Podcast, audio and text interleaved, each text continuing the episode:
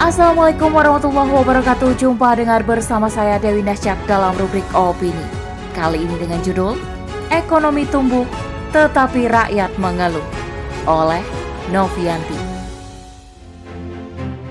Faktanya, angka pertumbuhan hanyalah aksioma keberhasilan semu Padahal tidak mencerminkan kondisi rakyatnya sudah makmur dan sejahtera. Selengkapnya tetapi podcast Narasi Pos Media. Narasi Pos, cerdas dalam literasi media, bijak menangkap peristiwa kunci. Krisis ekonomi sedang menghantam negara-negara besar kapitalis.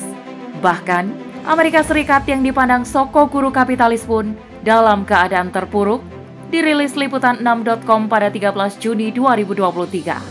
CEO Goldman Sachs, David Solomon, membuat pernyataan mengejutkan bahwa Amerika Serikat sedang menghadapi situasi mirip resesi.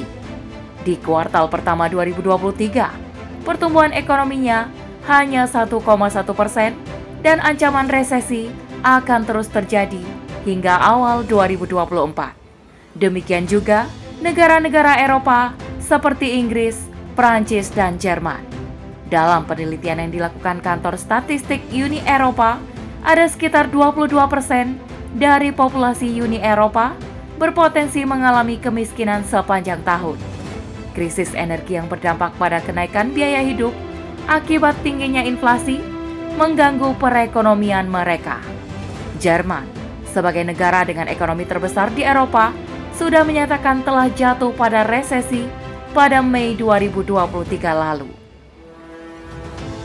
Dunia tersentak karena kapitalis yang selama ini diagung-agungkan dan dipercaya akan membawa kemajuan ekonomi, ternyata gagal di negara-negara muasalnya. Berbagai regulasi yang dibuat tidak mampu mencegah resesi yang jarak peristiwa antar tahunnya semakin pendek. Dalam dunia yang mengglobal, tampak kecenderungan universal dalam kedinamisan perekonomian. Isu perlambatan ekonomi akan menyebar cepat dan menjadi ancaman bagi hampir banyak negara yang terikat oleh perjanjian dan perdagangan internasional. Kepekaan para ahli ekonomi diuji untuk mengendus gejala-gejala sebelum resesi benar-benar memorak-porandakan perekonomian suatu negara. Di saat banyak negara mencemaskan akan resesi ekonomi, Menkeu Sri Mulyani justru mengatakan sebaliknya. Dikutip dari okezon.com pada 1 Juli 2023, ia meyakini bahwa Indonesia menjadi salah satu negara dengan pertumbuhan ekonomi terkuat di dunia. Hal ini dibuktikan oleh pertumbuhan ekonomi di atas 5% selama enam kuartal terakhir. Demikian juga, lembaga dunia seperti IMF memproyeksikan pertumbuhan ekonomi Indonesia akan mencapai 5,0% pada tahun 2023 dan 5,1 persen pada tahun 2024. Sementara, World Bank memproyeksikan di 4,9 persen di 2023 dan 2024. Angka proyeksi pertumbuhan Indonesia di atas perkiraan pertumbuhan ekonomi global menurut IMF. Dalam laporan World Economic Outlook April 2023, disebutkan bahwa pertumbuhan ekonomi global tahun 2023 justru diperkirakan melambat signifikan ke level 2,8 persen. Sehebat itukah ketahanan ekonomi Indonesia sehingga akan terwujud kesejahteraan rakyat? Ataukah daya cium terhadap ancaman resesi yang melemah?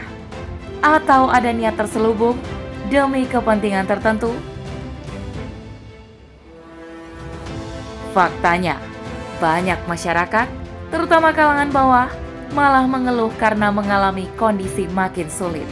Pendapatan real turun karena kenaikan harga pangan dan berbagai kebutuhan lainnya. Daya beli masyarakat yang melemah tentunya berakibat pada kemandekan ekonomi. Banyak korban PHK karena pabrik berhenti produksi atau melakukan relokasi membuat perekonomian bertambah lesu. Banyak korban PHK karena pabrik berhenti banyak korban PHK karena pabrik berhenti produksi atau melakukan relokasi membuat perekonomian bertambah lesu. Ini sebagai upaya efisiensi menyiasati kenaikan biaya produksi di tengah pasar yang kian tergerus oleh serbuan produk-produk dari luar dan tingginya biaya operasional. Angka kemiskinan berpotensi meningkat.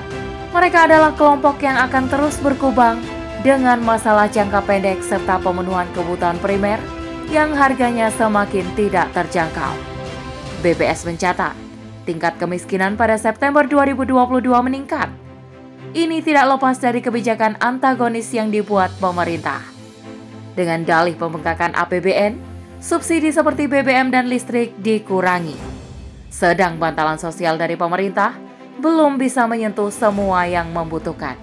Banyak yang tidak bisa hidup dengan layak dan berada di bawah kondisi ketidakamanan, kecemasan akan pemenuhan kebutuhan, membesarkan anak, dan jaminan hari tua. Inilah bukti bahwa angka pertumbuhan hanyalah aksioma keberhasilan semu.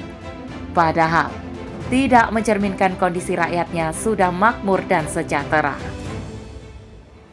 Karakter kapitalis memang bermain dengan angka-angka yang bersifat manipulatif.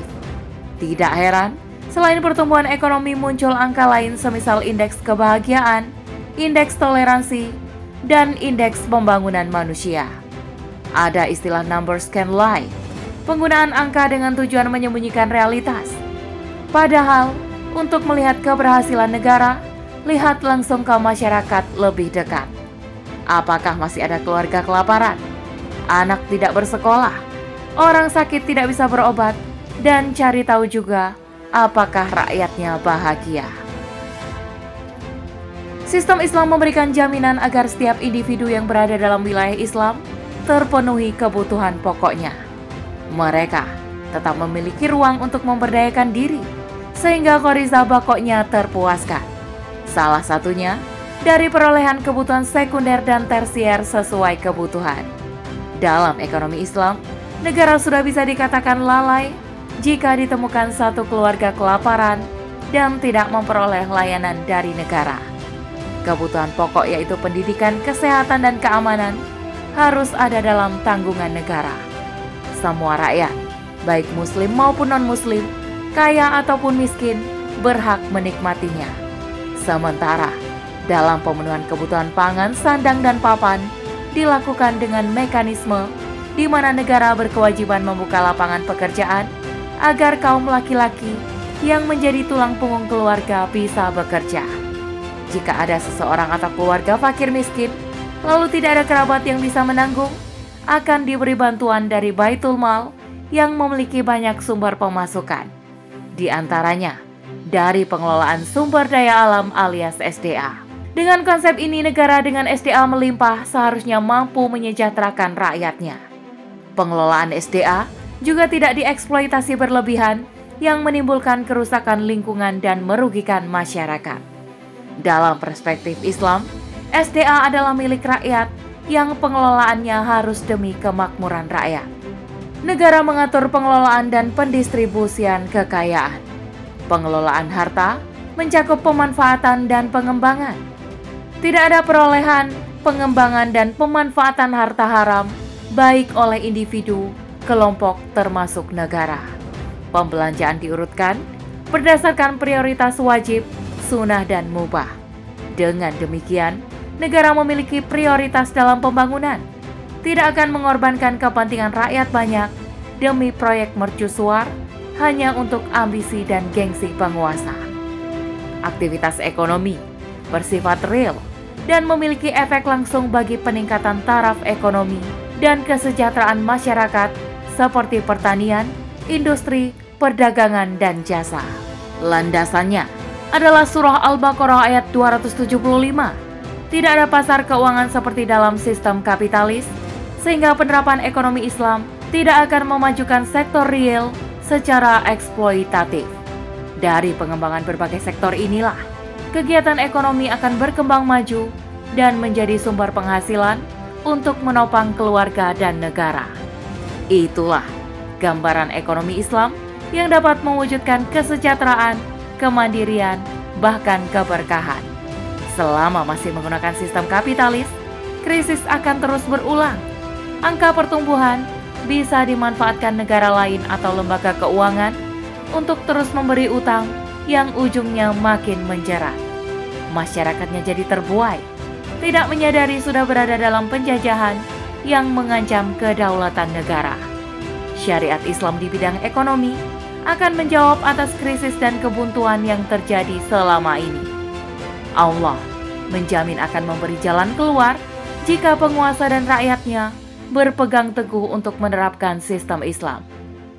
Allah taala berfirman, "Siapa saja yang bertakwa kepada Allah, niscaya Dia akan memberikan baginya jalan keluar dan rizki dari arah yang tidak terduga." Quran Surah At-Talak ayat 2 hingga 3. Wallahu a'lam bishawab. Demikian rubrik opini kali ini. Sampai bertemu di rubrik opini selanjutnya. Saya Dewi Nesjak undur diri. Assalamualaikum warahmatullahi wabarakatuh.